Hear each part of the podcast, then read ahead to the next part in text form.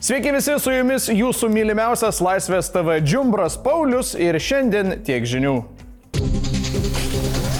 Ukrainos teroras šahedais tęsiasi. Dauguma iš 42 bepiločių buvo nukreipti į Odesos sritį. Nukentėjo 11 žmonių, 5 paguldyti į ligoninę, tarp jų 3 vaikai.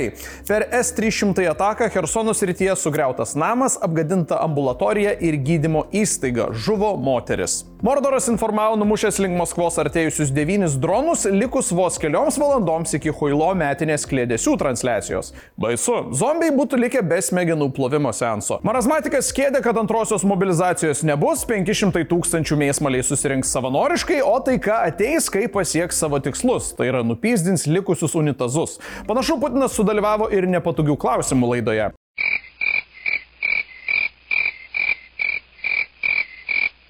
A, dar klausimas iš liaudies. Kokia jūsų lagaminėlio talpa? Ačiū. Tuo tarpu Rusijos VRM įprasminti egzistavimą bando į ieškomų žmonių sąrašą įtraukus Ukrainos žvalgybos vadą Kirilą Budanovą. Sąraše jau Ukrainos ginkluotojų pajėgų ir sausumos pajėgų vadai. Tik gali ruskeliai taip nevargti, juos Budanovas pats susiras. Įdomybės šiandien prasidėjo ir ES, kurioje šalys narės diskutuos dėl 50 milijardų paramos Ukrainai ir dėl jos narystės pradžios. Europos vadovų taryba turi sutarti vienbalsiai, tačiau tam priešinasi rakštis subiniai Vengrija. Minkštinant Orbaną, Europos komisija atblokavo 10 milijardų eurų išaldytą ES finansavimą Vengrijai. Nepavykus įtikinti vengrų, likusios šalys narės galėtų sukurti atskirą paramos Ukrainai fondą. Ta palaiko ir Putkos avataras, tačiau dėl įstojimo Orbanas kategoriškas. Pasak Gabrieliaus Landsbergio, nepavykus įtikinti vengrų, dėrybos tęstųsi kovą ar kiek vėliau per Vengrijos pirmininkavimą. Panašu, kad Europa trypčios čardašą pagal Orbano dudelę. Tuo tarpu NATO vadovas Stoltenbergas perspėja, kad Kremliaus šmėklai laimėjus karą jis nesustos, tad sąjungininkės turi toliau karinėmis priemonėmis remti Kyivą. O NATO teritorijoje Rumunijos oro erdvėje buvo užfiksuotas Rusijos dronas. Į orą kilo Vokietijos naikintuvai. Rumunijos gynybos ministerija patvirtino, kad numuštas dronas nukrito jų teritorijoje. O štai kol Mordore dėl sankcijų gyvenimas gerėja, lauko priekyvietėse nutyso eilės dėl kiaušinių po dvi dėžutės. Pagaliau sugrįžo ten, kur dešimtmečiais ir svajojo - į amžino deficito ir blato rojų. Gazos puolimas tęsiasi ir apie paliaubas nekalbama. Izraelis sako, kad likusių įkaitų gražinimas gali būti užtikrintas tik kariniu spaudimu. Jie atšaukė anksčiau planuotą žvalgybos Mossad vado kelionę į Katarą, kur turėjo vykti dėrybos dėl antrojo paleidimo etapo. Įniršiai įkaitų giminaičiai reikalauja valdžios imtis veiksmų. Manoma, kad Hamas turi dar 135 įkaitus. Dėl įkaitų spaudžia artimieji, dėl palestiniečių žučių pasaulis. Tačiau Izraeliui nesvarbu, ar turi tarptautinę paramą ar ne, karas tęsis. Vašingtonas akcentuoja, kad dviejų valstybių sprendimas sprendimas yra vienintelis būdas išspręsti konfliktą. Izraelis visiškai nepritarė, o ekstremistas Izraelio finansų ministras tai pavadino savižudybę šaliai. Jau atvirai kalbama apie beprecedentę įtampą tarp Netanjahu ir Baltųjų rūmų. Paramos nedaugėja ir iš ES. Tik kalbos nestabdo karo. Izraelio gynybos pajėgos dar kartą apkaltino Hamas šaudant iš humanitarinės zonos pietinėje gazos ruožo dalyje. Nepatvirtintais duomenimis iš paleistų 116 raketų 38 nukrito gazos ruožė, sukeldamas pavojų palestiniečiams. Bet Hamas Hamas neketina pasiduoti bei mano, kad sunaikinti jų bus neįmanoma. Prie viso to laikosi požiūrio, kad bet koks planas dėl gazos po karo be Hamas įtraukimo yra visiška iliuzija. Bet kas tikrai ne iliuzija, tai išeikvotos vaikams skirtų vakcinų atsargos. Tik viena Izraelio agentūra paskelbė medžiagą, kurioje jos teigimu matyti, kaip Hamas užgrobė humanitarinės pagalbos konvojų ir apšaudo civilius. Turite stogą virš galvos, nuosavą, sostinėje, jei turim tris taip, tada esate laimingi šmikiai. Laimingesni už daugybę kitų, kurie negali įpirkti nuosavo būsto. Sąlygos tai padaryti šiuo metu yra blogiausios per pastarosius 13 metų. Apskaičiuota, kad Vilniečiai vidutiniškai gali įsigyti 47 km2 būstą. Tai 19 km2 mažiau nei prieš metus. Kaune ir Klaipėdoje žmonės įperka maždaug 70 km2 dydžio būtus. Kas dėl to kaltas? Didelė dalimi Europos centrinis bankas vis vis dar vykdantis pinigų politikos griežtinimą. Dar pabrangusios žaliavos ir energetiniai ištekliai bei augia atlyginimai. Statybų sąnaudos yra padidėjusios 35 procentais nuo dešimtmečio pradžios, kainos pakilo 55 procentus. Ir čia turiu pasakyti blogą naujieną. Ekonomistas Nerijus Mačiulis prognozuoja, dar bent kelis metus būstai pirkti bus sudėtinga. Sorry. Bet jei kainos nedidės, atlyginimai auks 8 procentais, o palūkanų normos sumažės pusantro procentinio punkto, kitų metų pabaigoje galėsite įsigyti 12 kvadratinių metrų didesnį būstą.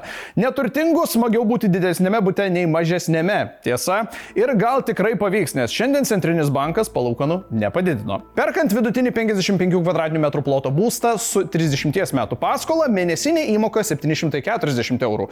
Tokio būsto nuoma 760 eurų. Tai mažiausias istorijoje skirtumas. Viskas dėl didelių palūkanų, kurių mažėjimo gal sulauksime balandį. Bet kokiu atveju mes anomalija.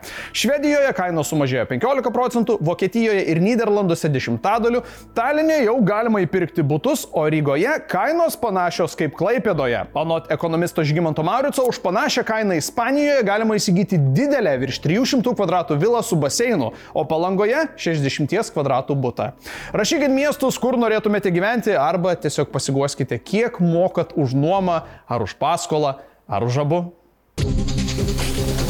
Blitz naujienos. Seimas nusprendė, kad medžiojant šernus, lapes, mangutus, paprastuosius meškėnus, kanadinės audinės, nutrijas ir ondatras bus galima naudoti naktinius taikiklius. Už balsavo 69, Seimo nariai dauguma oponentų balsavime nedalyvavo. Jau kreiptasi į nausėdą dėl dokumento vetavimo. Šuvius į moterį Vilnius rajone paleidęs policininkas yra patyręs pareigūnas, sakė generalinis komisaras Renatas Požėla. Taip pat ne visi santykiai tarp policijos ir klientų pasibaigia išsprendus problemą. Jis pareiškė užuojautą žuvusiosios artimiesiems. Lietuvos savivaldybių asociacijos valdyba sustabdė teisės saugos įtarimų sulaukusio prezidento Janovos mero Mindaugo Sinkevičiaus įgaliojimus, kol paaiškės pateiktų įtarimų pagrystumas. Prašymas nušalinti svarstytas paties Sinkevičiaus prašymu. Krašto apsaugos ministerija pasirašė 200 milijonų eurų sutartį dėl naujos oro gynybos sistemos NASAMS įsigijimo. Pradedamas vidutinio nuotolio oro gynybos sistemos įsigijimo antrasis etapas. Dalis įrangos mus pasieks 2026 metais. Jei prezidento rinkimai vyktų šį savaitgalį, didžiausio palaikymo sulauktų Gitanas Nausėda. Artimiausi jo varžovai - premjerė Ingrida Šimonytė, advokatas Ignas Vėgelė ir LSDP lyderė Tulpė Vilija Blinkevičiūtė. Už jų Laisvės partijos kandidatas Dainius Žalimas ir kažkodėl dar Seimo narys Remigijus Žemaitaitis. Primenu, kad dabar yra geriausias metas komentarų sekcijoje pasibėdavoti, kiek jūs mokate už nuomą, arba už paskolą, arba už abu. Ir dar, kas dar taip atrodo, kai atsikelia anksti.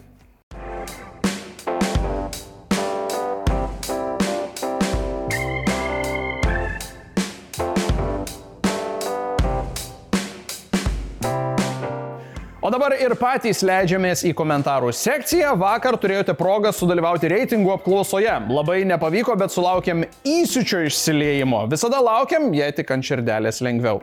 Kauriukas sako, tai tu suka duok F16, kaimyžniai duos duos ir po to ašaras duoda. Užsat, jau net graudų kū. Sorry už keiksmažodžius, b. Čia kaip tas legendinis, nenoriu nei keiktis, nei hujaiktis.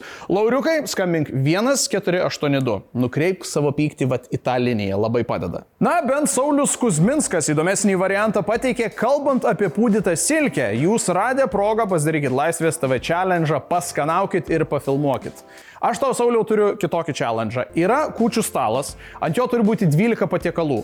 Tai kas kart, kai įmi naują patiekalą, padaryk skambutį 1482. Už kiekvieną patiekalą paskambutį 1482. Va, labai paprastas laisvės TV challenge, galime jį taip vadinti. Ačiū labai už jūsų dėmesį, mėly žiūrovai. Sustinkame jau kitose tiek žinių ir dabar ate.